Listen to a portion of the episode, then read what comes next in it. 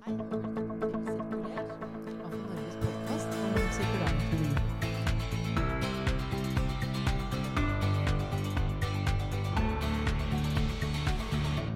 navn er Nancy Strand, og gjest i dag er eh, Bård Bergfall. Og vi skal snakke om eh, kritiske råvarer, sjeldne jordarter og i det hele tatt grønn omstilling. Velkommen til deg, Bård. Tusen takk for at jeg ble invitert. Du, eh, bare mm, eh, vi, er, vi eh, har varmet opp denne podkasten og allerede Du har fortalt masse om forskjellige, forskjellige eh, ting som du har med deg, til og med. Og, men la oss begynne litt med deg. Eh, hvem er Bård Bergfall?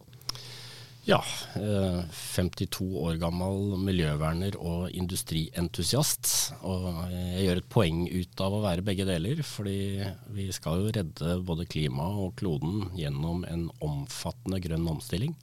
Vi skal veldig raskt vekk fra alt av fossilt karbon og destruktive industriprosesser og over på eh, helt andre energiformer eh, og helt andre energibærere og transportbærere osv. Og, og det krever masse ny industri og nedleggelse av gammel industri. Men, og du kommer jo fra et, et eh, viktig industriområde, eh, vil jeg si. Ja, jeg er egentlig et industriarbeiderbarn. Eh, Faren min jobba som høyspentelektriker i kraftsystemet og jobba rundskift hele livet. Så jeg vokste opp med en far som var borte annenhver julaften og annenhver bursdag og annenhver uh, nyttårsaften. Han jobba én uke formiddag, én uke ettermiddag, én uke natt og én uke fri. Sånn var uh, liksom, rytmen i, i min oppvekst. Så det var egentlig veldig rart for en ung mann fra Porsgrunn å komme til storbyen og oppleve andre livsformer. Det begynner jo også å bli en stund siden, da. Ja, men eh, du begynte også ganske tidlig å engasjere deg og, og måte observere hva du mente skulle gjøres bedre. Um, Jeg begynte som 15-åring um, med Natur og Ungdom. Og før det, så, som er veldig ung, så var jeg aktiv så, som um, fritidsfisker. Altså jeg, jeg og gutta sykla opp i skauen utafor Porsgrunn og, og fiska etter uh, ørret, både der vi hadde lov til det og ikke, og noen andre steder. Uh, og så var jeg speider. Så jeg var uh, mye ute i naturen, veldig opptatt av hvordan ting funka. Hva, hva som, hvorfor var det fisk der og ikke der? Uh, hva er det som gjør at uh, det er veldig frodig natur her og skrinn natur der? Alltid fascinert meg. Men tidlig i tenåra ble jeg også interessert i politikk. Fulgte med både innenriks og utenriks på, på politikk. Uh, veldig nysgjerrig på det. Og når du kombinerer interessen for natur og interessen for politikk, så blir man jo miljøverner. Ja, det var en helt eh, logisk uh, konklusjon, egentlig. Ja. Ja, den, den trakk jeg som tidlig i tenåra, øh, og valgte jo både på gymnaset og ellers uh, Tok jeg aktive valg i den retningen, og der har jeg vært hele livet. Mm. Og nå leder du et, et, et eh, selskap uh, som bærer ditt navn. Uh, Ja, Bergfall det, er, det syns jeg alltid er litt flaut at uh, selskapet bærer mitt navn, men vi har ikke vært kreative nok på å finne på noe bedre navn, så inntil videre så får jeg vel være sånn posterboy. Ja, så du, dere har lagt all kreativiteten i, i løsningene dere foreslår, da. Vi er nok mer kreative kjemikere enn vi er navnesettere, ja. Men det er jo det vi selger også. Kjemisk og miljørelatert rådgivning, ikke innpakning. Men altså, eh, hvordan kombinerer man, eh, man eh, miljøvern og, eh, og industrientusiasme i et konsulentselskap? Ja, For det første så gjelder det å ta vare på noe av den basisindustrien som vi har, og som politikere er ignorante i forhold til, og samfunnet hakker mye på. Altså basisindustrien av metaller. Du får ikke noe grønt skifte uten metaller som aluminium, og og jern og kobber. Det er jo de hovedbyggesteinene i det, den overgangen vi skal ha nå fra en oljebasert, petroleumsbasert økonomi til en metallbasert økonomi. Da må man ha disse basemetallene. Så øh, den gjengen vår på ti øh, kjemikere og ingeniører, vi jobber typisk to tredjedeler med det som vi kaller compliance. Jeg har ikke noe godt norsk ord på det, egentlig. Det er uh, å ha orden i eget hus. Det er å sørge for at øh, man har konsesjoner, og de, de riktige konsesjonene alt av dokumentasjon i forhold til det. Altså konsekvensutredninger, risikoanalyser, planverk, justeringer og alt dette. Passe på at miljøstyringssystemene er i orden. ISO 14001, miljøfyrtårn for enklere virksomheter. At alt det er på stell. Og så jobber vi en tredjedel med innovasjon. Det nye, det spennende. Nye teknologier, nye produktområder. Alt det som endrer seg. Og det at våre folk jobber med begge deler, det er viktig for oss. Fordi hvis du jobber med compliance, da, med orden, og ikke har noe blikk på hva framtiden vil bringe, uh, hva som kommer av krav, hva markedet vil trenge rundt neste sving, så havner du jo i Kodak moment, eller egentlig du havner som Toyota, ikke sant? hvor elbilrevolusjonen har gått forbi selskapet, og Toyota har gått fra å være verdens suverent største eh, bilselskap til å være et bilselskap noen har hørt om på et tidspunkt. Men hvis du jobber med innovasjon um, uten å forholde deg til uh, den praktiske virkeligheten, de markedene, teknologiene og rammene som fins, da, da driver du bare og bygger luftslott. Så Derfor prøver vi, den gjengen vår på ti eksperter å, å jobbe to tredjedeler compliance og en tredjedel innovasjon. For da får vi skapt mest nytte, tror vi. Mm, mm. Jeg tror det er mange som, i avfallsbransjen som, som, kjenner seg igjen i en sånn type fordeling. Da. Det er um, veldig mye av det vi gjør her og nå, uh, og det skal vi drive på en ordentlig måte. Men så er det hva skjer i, i framtida, og hvordan skal vi tilpasse oss og være klare for, eller være en pådriver for.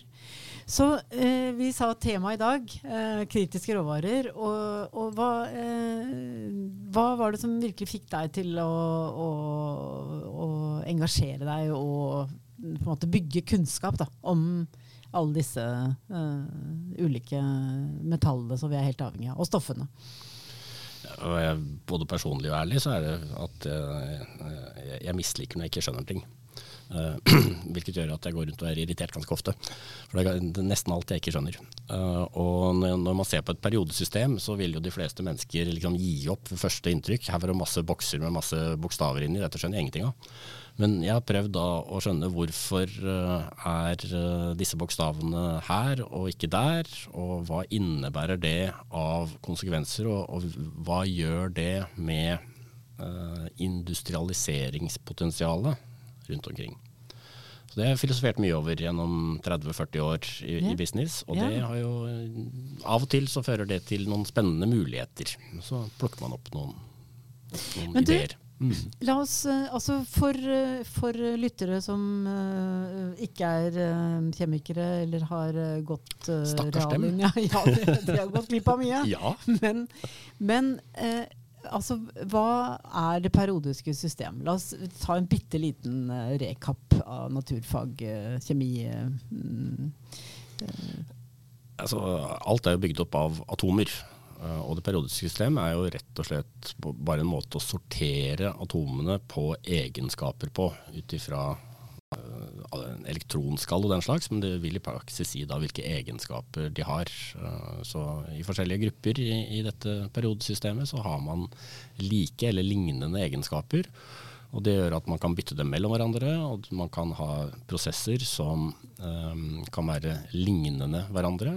Um, og man finner metallene ofte på samme sted, de som er i hver enkelt kolonne. Mm, mm. Um, Men du, mange vil jo Mange har uh, Altså denne Vi har jo etter hvert skjønt en, ganske mye om hvor avhengige vi er i elektrifisering, i egentlig alt vi omgir oss med av uh, elektriske og elektroniske produkter.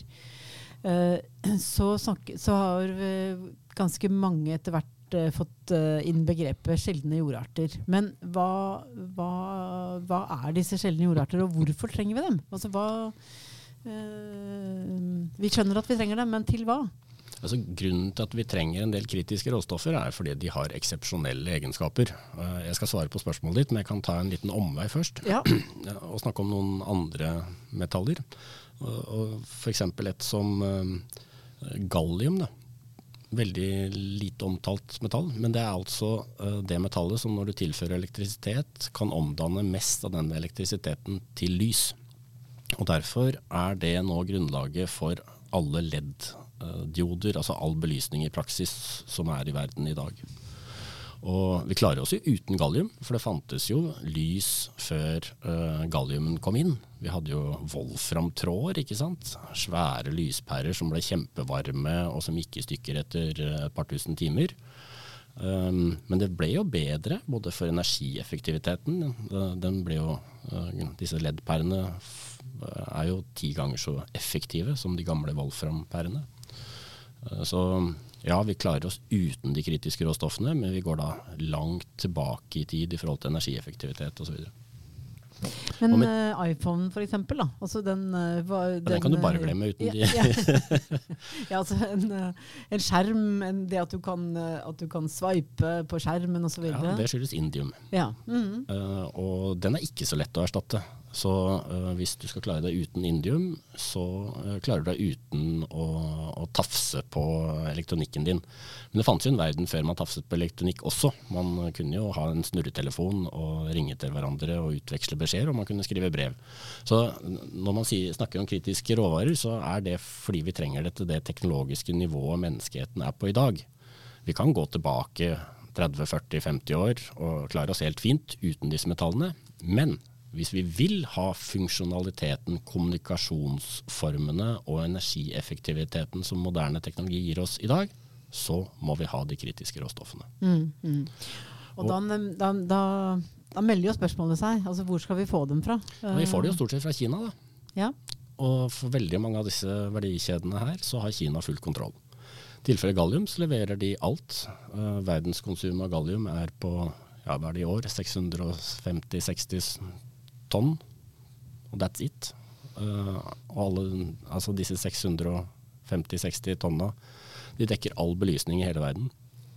De dekker all 5G-teknologi, altså moderne kommunikasjonsteknologi. Og det brukes også nå i uh, magnetene i uh, elbiler. Så det er veldig lite som trengs, men de tonnene som trengs, de må man ha. Hvis ikke så må man kan man ikke bruke disse teknologiene. Mm. Men, og da får man jo utfordringen, da. Ja. Uh, når Den, alt, all belysning i verden, all moderne kommunikasjon og alle elbiler er avhengig av forsyninger fra Kina, så har vi uh, ikke lenger et miljøproblem eller, um, eller, et industrielt problem, vi har et politisk problem. Mm. Vi har et geopolitisk utfordring som um, europeiske politikere inntil for noen få år siden var fullstendig ignorante til, som norske politikere fortsatt den dag i dag er fullstendig ignorante til. De bryr seg ikke overhodet om disse geopolitiske og, og forsyningssikkerhetsmessige konsekvensene. Og Men, det bekymrer jo litt. Men nå har jeg snakket meg langt vekk fra sjeldne jordarter. Altså. Ja. jeg følte at vi dro nå ut i en uh, politisk retning, men ja. det, det, det, er jo interessante aspekter du tar opp her. Og, men det, finnes det andre forekomster, bare at de ikke har uh, klart å, å si, dem, hente dem ut? Eller uh, eller er det faktisk sånn at jordkloden er skrudd sammen på en sånn måte at man i hvert fall per i dag da, ikke vet om andre forekomster enn de som fins av denne, det du av gallium som du nevner her? da, som et eksempel. I tilfelle gallium så finnes jo ingen av de forekomstene i Kina. Det er ikke kinesisk gallium, det er bare at Kina har tatt kontroll på prosessene. Eh, for alle disse metallene så gjelder det at det, det finnes ikke egne gruver. Uh, indium, gallium, uh, germanium, disse mest sære av de kritiske råstoffene, de finnes ikke i egne gruver. De finnes som bitte, bitte små forurensninger i annen industri. Og for tilfellet gallium så er det jo aluminiumindustrien.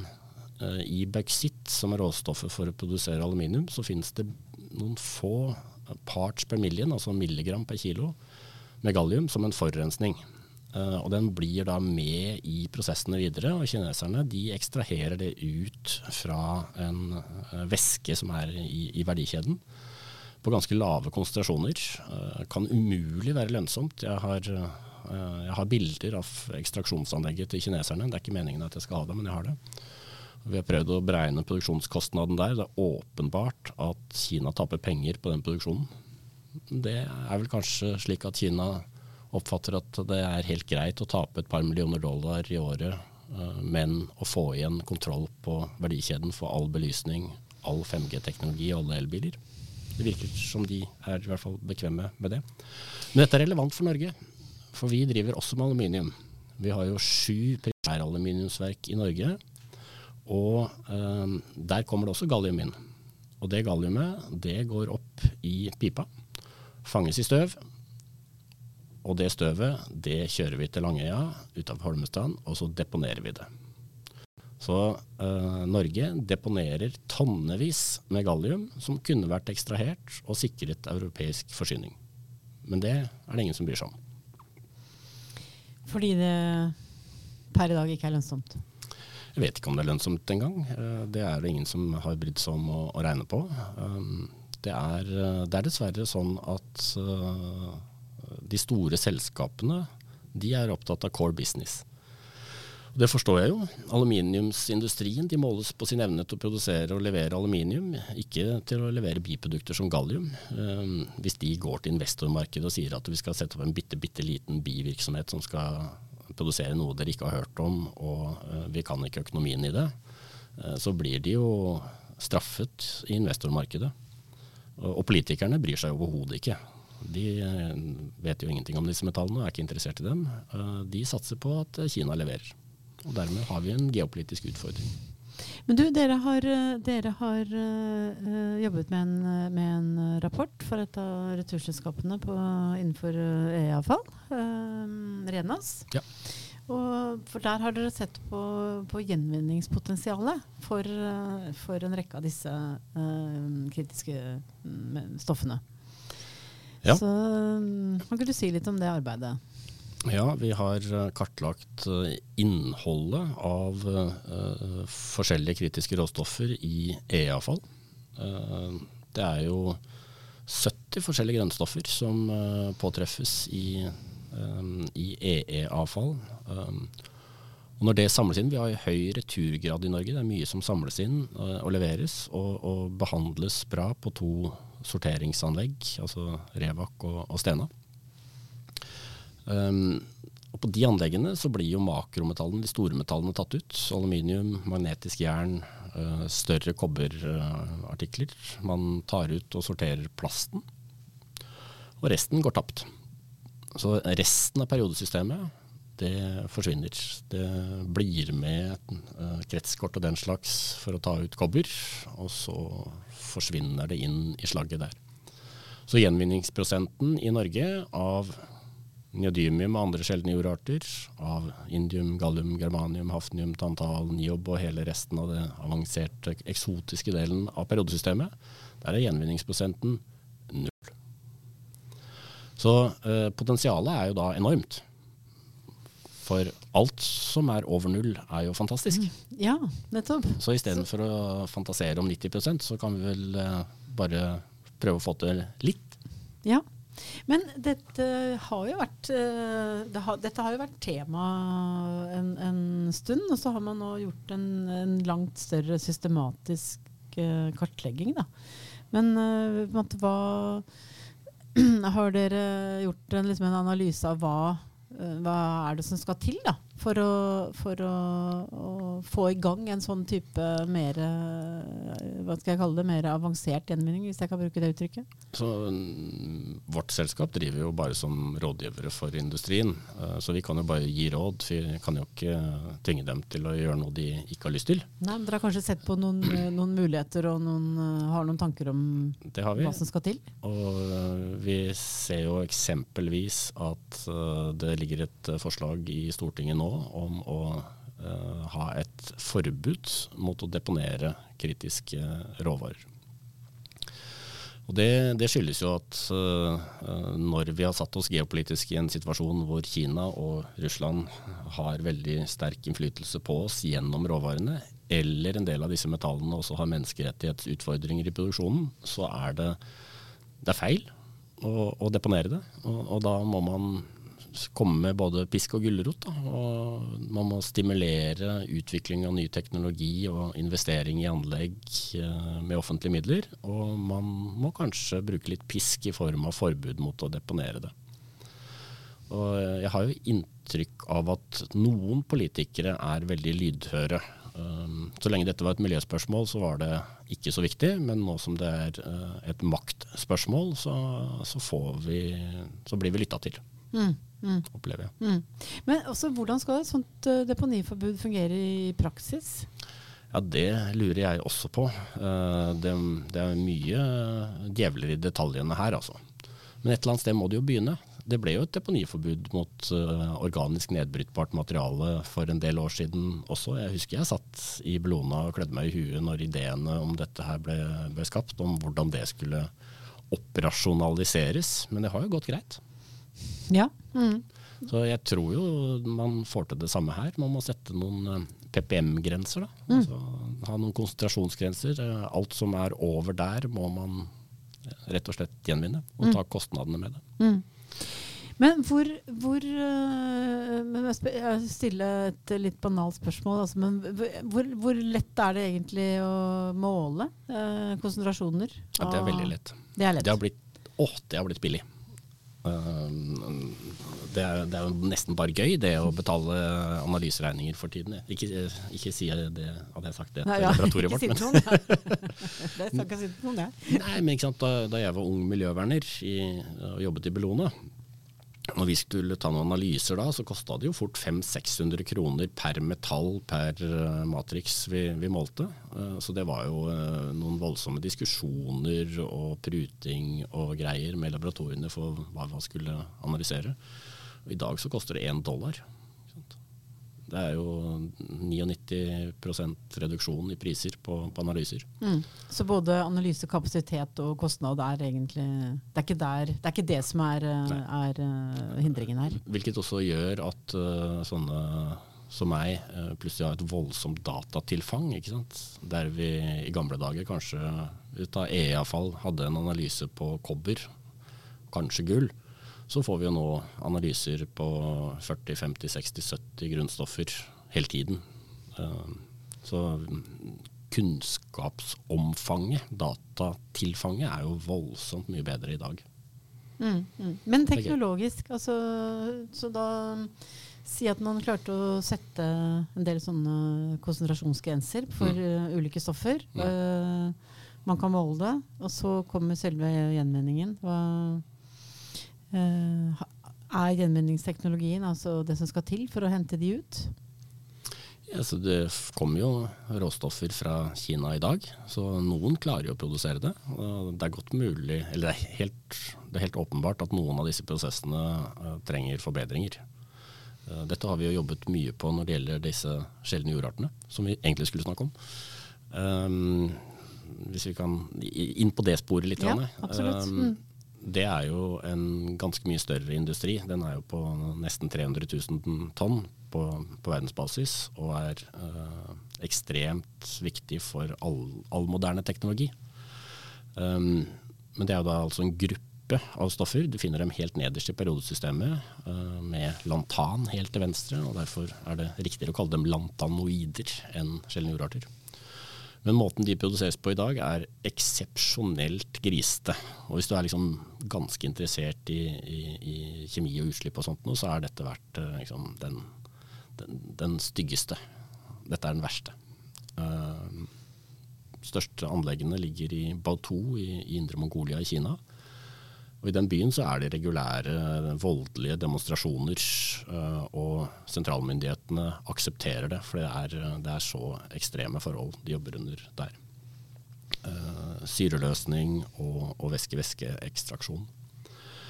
Eh, og der har vi jo en veldig interessant situasjon i Norge. Fordi For det første så har vi jo Europas suverent største eh, ressurs i bakken, i dette såkalte Fensfeltet på Ulefoss. Som ligger i, det ligger nært industri, det ligger ikke i noe samisk konfliktområde. Um, det ligger uh, veldig godt til og er supersvært. Um, men det har også inspirert at noen i Norge uh, har utviklet en teknologi for å rense og prosessere disse sjeldne jordartene som er helt utslippsfri. Så vi får liksom et, et, en enorm kontrast til den kinesiske væske-væske-ekstraksjonsteknologien. Og der skjedde det noe i, i november. Uh, og her er jeg jo ikke helt uh, inhabil, for jeg har vært med på den utviklingen uh, fra, uh, fra første start. Uh, men der um, har vi altså lykkes med å ta dette fra en løs idé i 2008 uh, via masse seriøst arbeid på laboratoriet via pilotfabrikker og demofabrikker.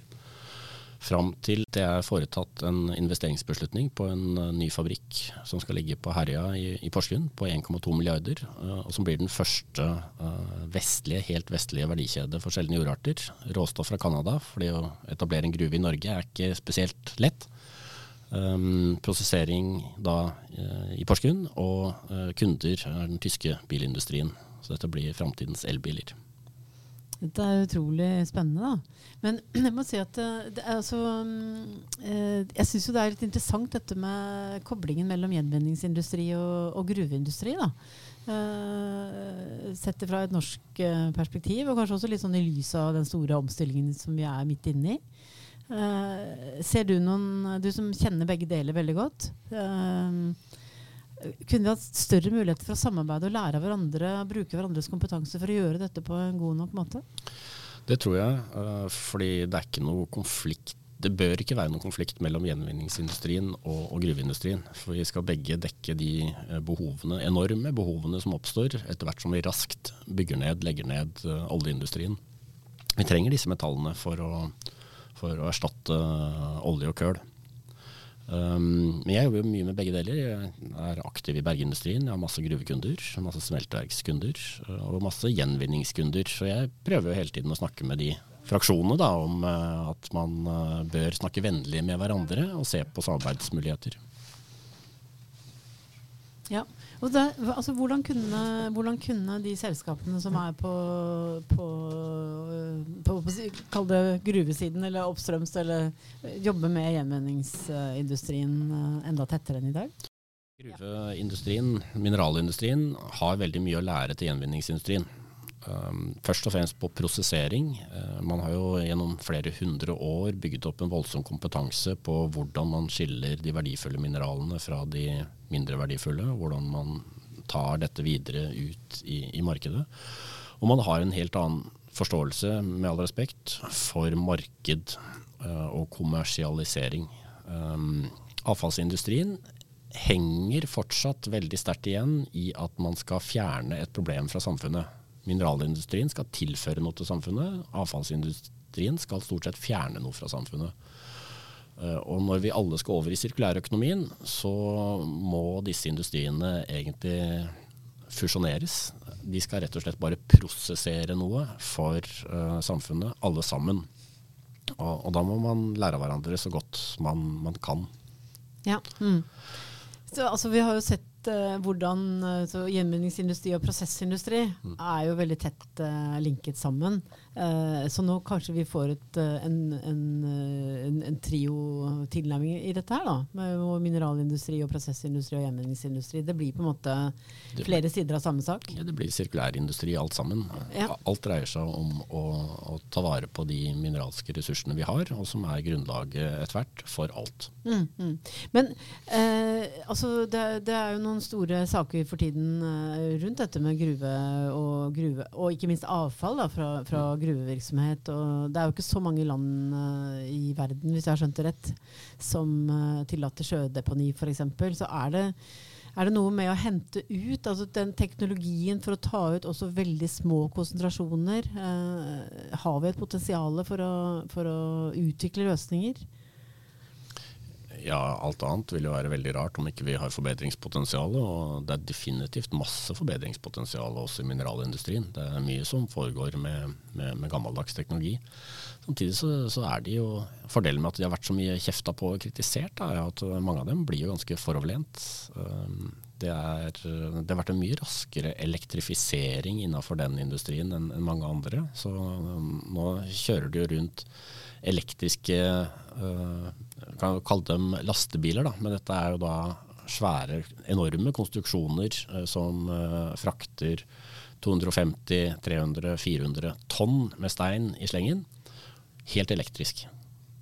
Uh, og noen av dem er jo netto genererende med strøm. Altså hvis du skal frakte mineraler fra en gruve litt høyt opp og ned til lavlandet, så lager du strøm i vogna istedenfor å tilføre diesel. Så det er masse innovasjon der. Um, ja, Norge er et av landene i verden som praktiserer sjødeponering.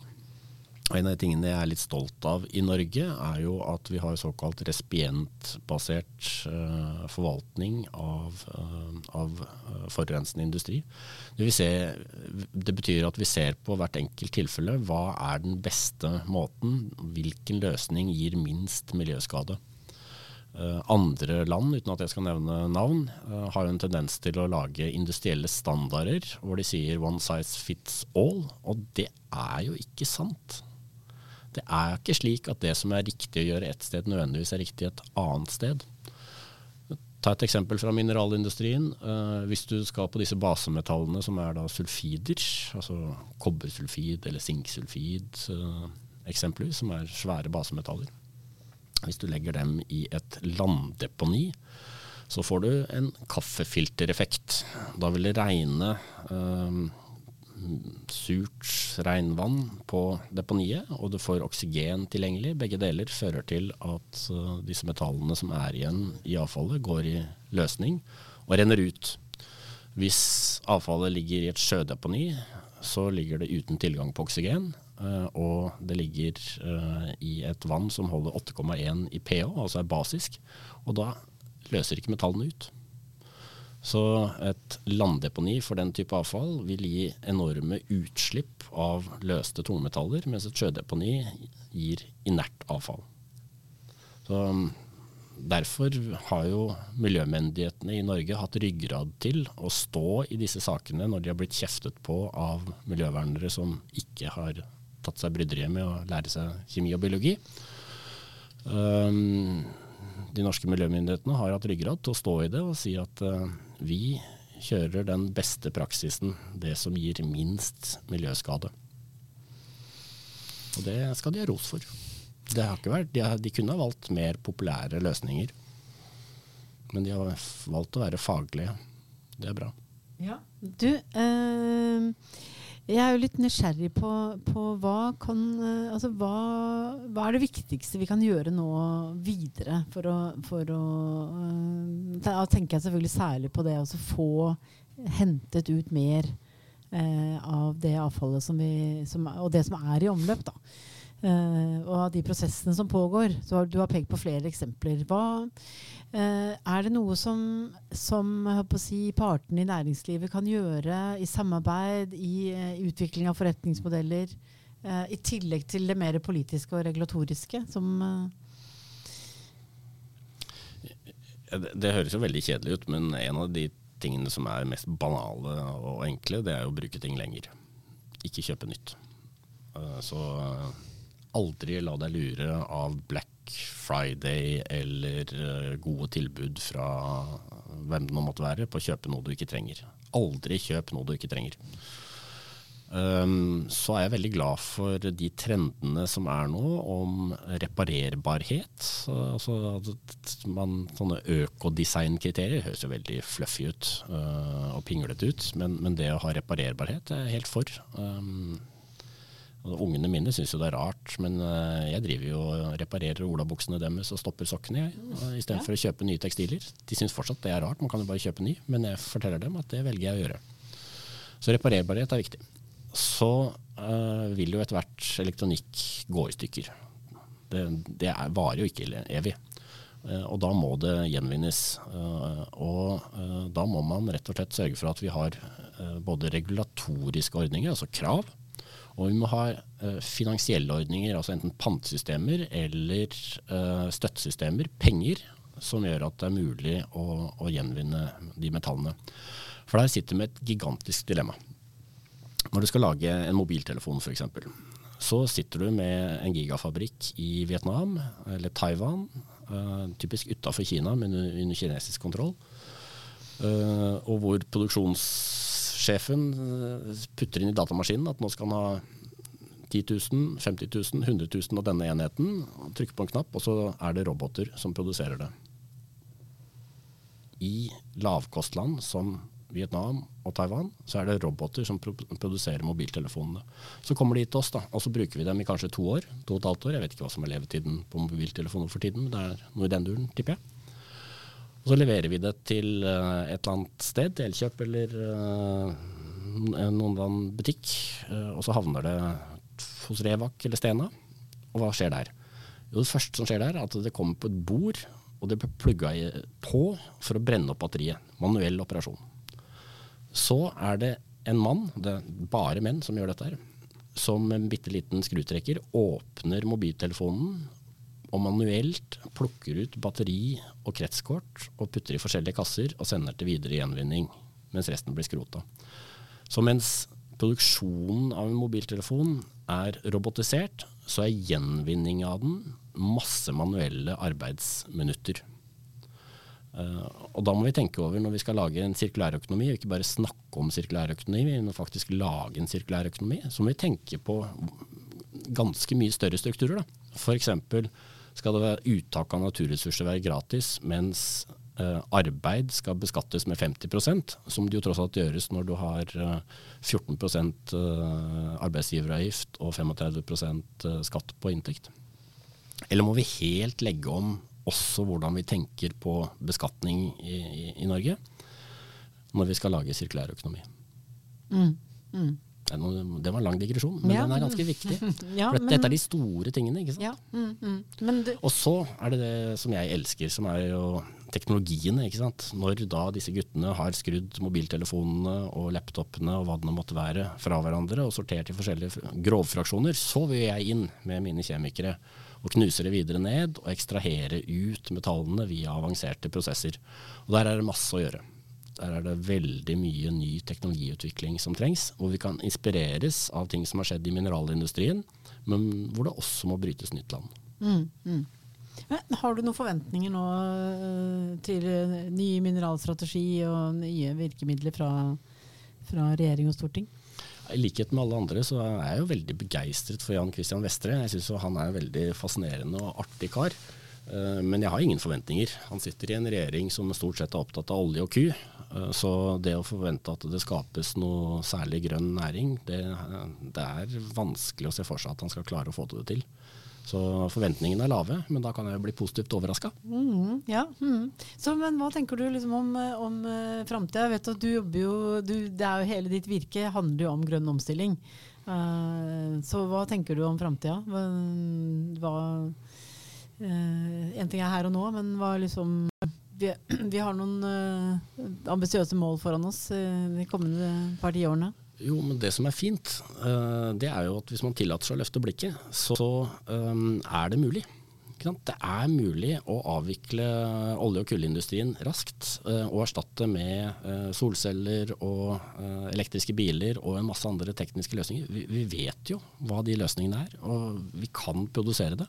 Altså, vi kan jo lage solceller og elektriske biler, ikke sant. Så det er fullt mulig. Så nå er det bare snakk om vilje. Men da trenger man jo politikere som også klarer å stå i det. Som klarer å takle at klimapolitikk virker.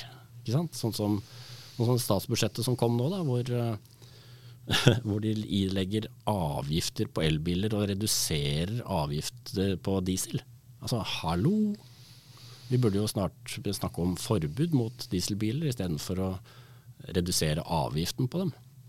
Så vi trenger politikere som klarer å stå i politikken når den virker. Ja. Du, eh, jeg lurer på om det må bli siste ord eh, i dag, faktisk. Eh, Vi rakk jo aldri snakke om hvorfor de sjeldne jordartene var sjeldne eller jordarter. Ja, for det er de ikke. ja, nei, ikke sant. vi, vi, dro hverandre kanskje litt ut i litt forskjellige Jeg syns vi har vært innom eh, veldig mange interessante ting. Jeg må si du har eh, vært frittalende og, og ment mye spennende. Så mm, det takker jeg deg for. Så tusen takk eh, for at du kom til AFO Norges podkast. Takk for at jeg fikk komme og, og snakke om uh, ting som jeg eh, elsker. Og hvis det er noen som lytter på som er interessert i å være med og skape en ny industri i Norge, så er vi alltid med på morsomme ting. Ja, bitte litt reklame til slutt. Det får gå. Så tusen takk til alle dere som har hørt på, og takk til vår produsent Håkon Bratland. Mm, ha det bra.